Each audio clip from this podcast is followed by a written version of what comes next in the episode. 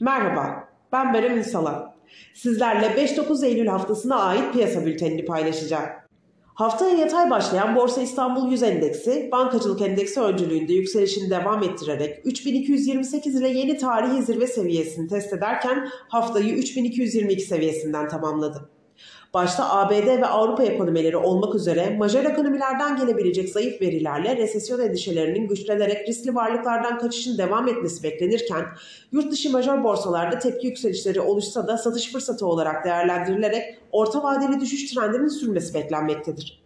Borsa İstanbul güçlü bilanço açıklamaları sonrası yükselişini banka hisseleri öncülüğünde devam ettiriyor. Bankalar aylık olarak tarihi yükselişlerinden birini gerçekleştirirken değerleme olarak banka hisselerinde hisse bazlı halen alan olsa da ve güçlü kar beklentileri devam etse de sert yükseliş sonrası banka hisselerinde kar satışı yaşanma riskinin yükseldiğini düşünüyoruz. Endekste kar satışları yaşansa da banka dışı hisselerde halen potansiyel olması ve hisse hedef değerlerinde yaptığımız revizyon sonrası Borsa İstanbul 100 için temel hedef fiyatımızı 3700'e yükseltmemiz nedeniyle düşüşlerin alım fırsatı olacağını ve endekse yükseliş trendinin orta vadede devam edeceğini düşünüyoruz.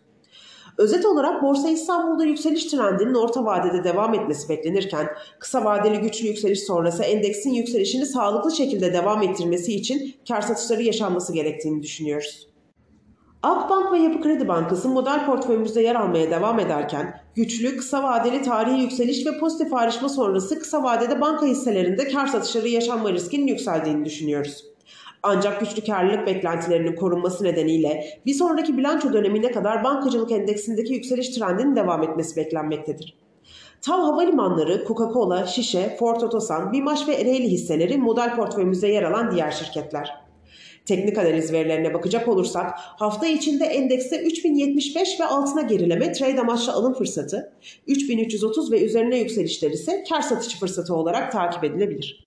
Bu hafta açıklanacak önemli veri gündemine göz atacak olursak 5 Eylül'de Türkiye'de tüfe enflasyonu verisi ve Almanya'da PMI hizmet endeksi, 6 Eylül'de ABD'de ISM hizmet endeksi, 7 Eylül'de Almanya'da 3. çeyrek büyüme verisi ve son olarak 8 Eylül'de Avrupa Merkez Bankası faiz kararı ile ABD'de haftalık işsizlik başvuruları verileri açıklanacak.